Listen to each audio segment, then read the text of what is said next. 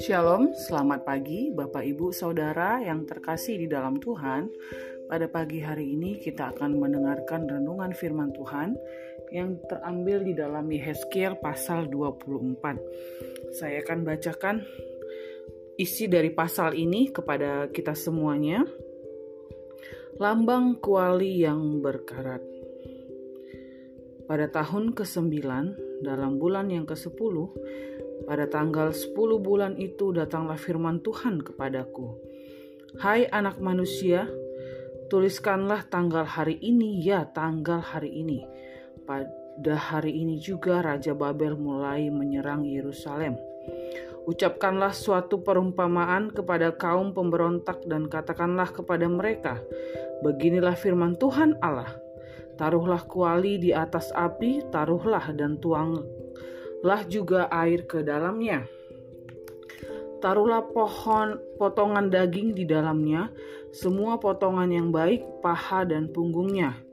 Penuhilah itu dengan tulang-tulang pilihan. Ambillah domba yang terpilih dan susunlah juga kayu di bawahnya. Biarlah masakan itu mendidih dan tulang-tulang turut empuk di dalamnya. Oleh sebab itu, beginilah firman Tuhan Allah: "Celakalah kota yang penuh hutang darah, kuali yang berkarat di dalamnya, dan karatnya tidak hilang daripadanya. Keluarlah potongan demi potongan dari dalamnya tanpa memilih-milih, sebab darah yang dicurahkannya masih terdapat di tengah-tengahnya. Ia mencurahkannya di atas bukit batu yang gundul." Dia tidak mencurahkannya di atas tanah supaya ditutupinya dengan tanah. Demi amarah yang timbul dan rasa pembalasan yang bangkit, aku akan mencurahkan darahnya sendiri ke atas bukit batu yang gundul supaya jangan ditutupi. Oleh sebab itu, beginilah firman Tuhan Allah. Celakalah kota yang penuh hutang darah. Aku juga hendak memperbesar pancakannya. Susunlah banyak kayu, nyalakan api, biarlah dagingnya masak betul, buanglah kuahnya dan biarlah tulang-tulangnya hangus. Letakkanlah periuk itu kosong di atas bara api, supaya itu dibakar dan tembaganya menjadi merah, sehingga kotorannya hancur di dalam dan karatnya hilang.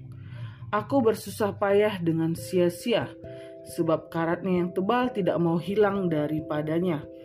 Biar dalam api oleh karena engkau menajiskan dirimu dengan kemesumanmu dan aku ingin mentahirkan engkau, tetapi engkau tidak menjadi tahir dari kenajisanmu, maka engkau tidak akan ditahirkan lagi sampai aku melampiaskan amarahku atasmu. Aku Tuhan yang mengatakannya. Hal itu akan datang dan aku akan membuatnya. Aku tidak melalaikannya dan tidak merasa sayang, juga tidak menyesal. Aku akan menghakimi engkau menurut perbuatanmu. Demikianlah firman Tuhan Allah. Kemudian datanglah firman Tuhan kepadaku. Hai anak manusia, lihat aku hendak mengambil daripadamu dia yang sangat kau cintai seperti kena tulah. Tetapi janganlah meratap ataupun menangis dan janganlah mengeluarkan air mata Diam-diam saja mengeluh, jangan mengadakan ratapan kematian. Lilitkanlah destarmu dan pakailah kasutmu, jangan tutupi mukamu, jangan makan roti perkabungan. Pada paginya aku berbicara kepada bangsa itu, dan pada malamnya istriku mati. Pada pagi berikutnya aku melakukan seperti diperintahkan kepadaku. Maka bangsa itu berkata kepadaku, Tidakkah engkau bersedia memberitahukan kepada kami apa artinya ini bagi kami, bahwa engkau melakukan demikian? Lalu dijawab mereka, firman Tuhan sudah datang kepadaku. Katakanlah kepada kaum Israel, begini firman Tuhan Allah, sesungguh-sungguhnya aku akan menajiskan tempat kudusku, kekuasaanmu yang kau banggakan kenikmatan bagi matamu dan bagi jiwamu dan anak-anakmu lelaki dan perempuan yang kamu tinggalkan akan mati rebah oleh pedang. Kamu akan melakukan seperti yang kulakukan. Kamu tidak akan kamu tutupi dan roti perkabungan tidak akan kamu makan. Kepalamu pakai destar dan kakimu pakai kasut dan kamu tidak akan meratap atau menangis tetapi kamu akan hancur lebur dalam hukumanmu dan kamu akan mengeluh seorang kepada yang lain. Demikianlah Yehezkiel menjadi lambang bagimu. Tepat seperti yang dilakukannya kamu akan lakukan. Kalau itu sudah terjadi, maka kamu akan mengetahui bahwa Akulah Tuhan Allah, dan engkau, anak manusia, bukankah begini akan terjadi? Pada hari aku mengambil dari mereka benteng mereka, perhiasannya yang menggirangkan hatinya, kenikmatan matanya dan yang di, yang dirindukan jiwanya. Anak-anak mereka laki-laki dan perempuan pada hari itu juga akan datang seorang yang terluput membawa berita kepadamu. Pada hari itu mulutmu akan terbuka dan kau akan berbicara kepada orang yang terluput itu dan tidak lagi tetap bisu dengan demikian engkau menjadi lambang bagi mereka dan mereka akan mengetahui bahwa akulah Tuhan.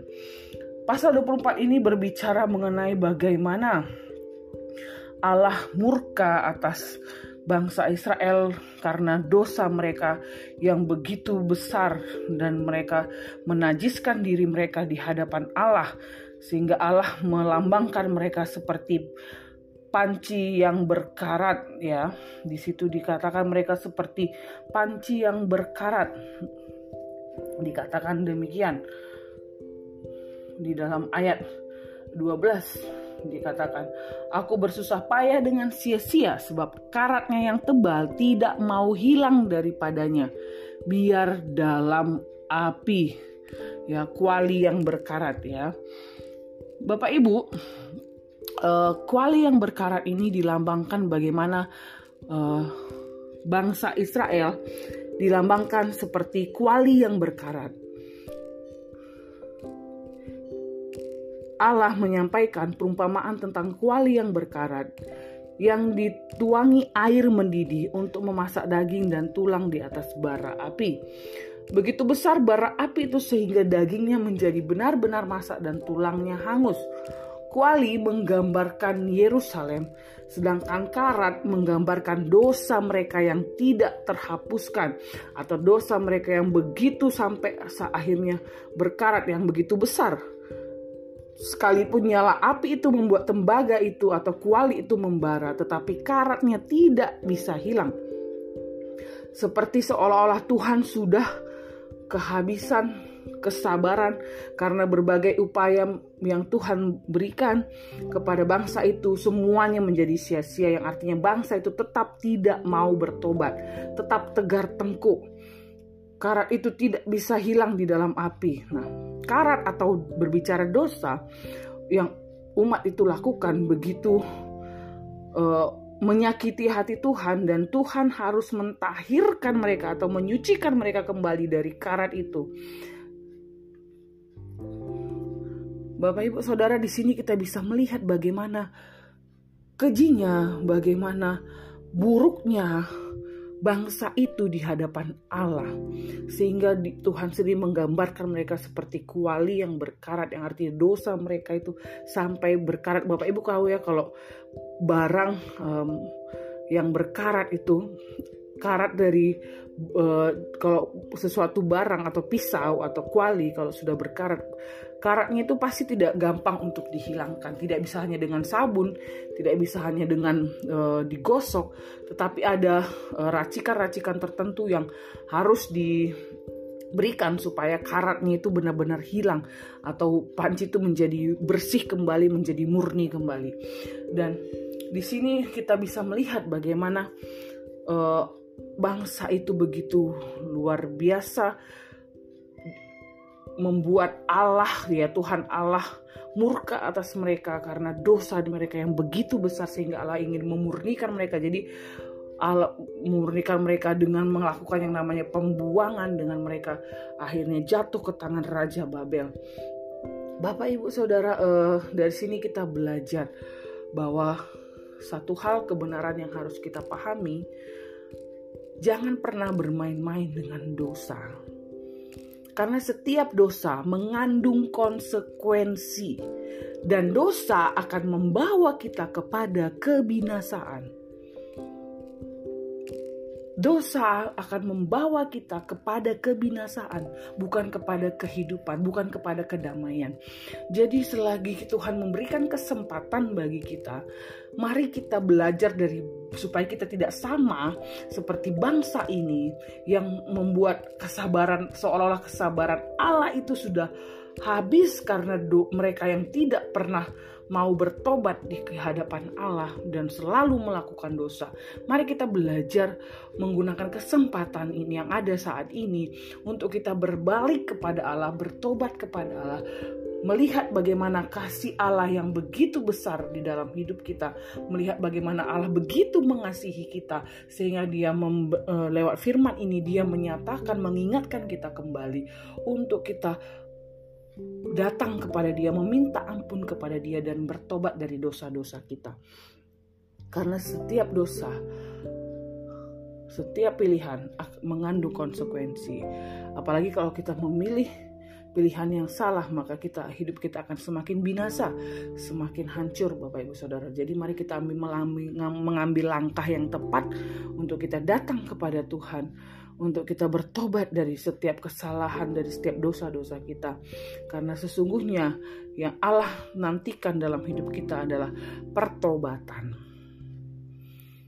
Amin Bapak Ibu. Jangan kita akhirnya uh, seperti bangsa ini yang tegar tengkuk ya, tidak meremehkan firman mereka meremehkan firman Allah dan tidak mau bertobat dari dosa mereka sehingga mereka akhirnya dibinasakan. Jadi mari kita belajar menjadi orang-orang Kristen yang menggunakan kesempatan ini untuk kita bertobat mengikuti apa yang menjadi firman Allah di dalam hidup kita menjalankan hidup kita sesuai dengan apa yang Allah inginkan. Amin Bapak Ibu Saudara. Demikianlah firman Tuhan pada pagi hari ini. Kiranya ini menjadi peringatan bagi kita untuk kita hidup sesuai dengan apa yang Allah inginkan. Demikian firman Tuhan, Tuhan memberkati. Mari kita berdoa.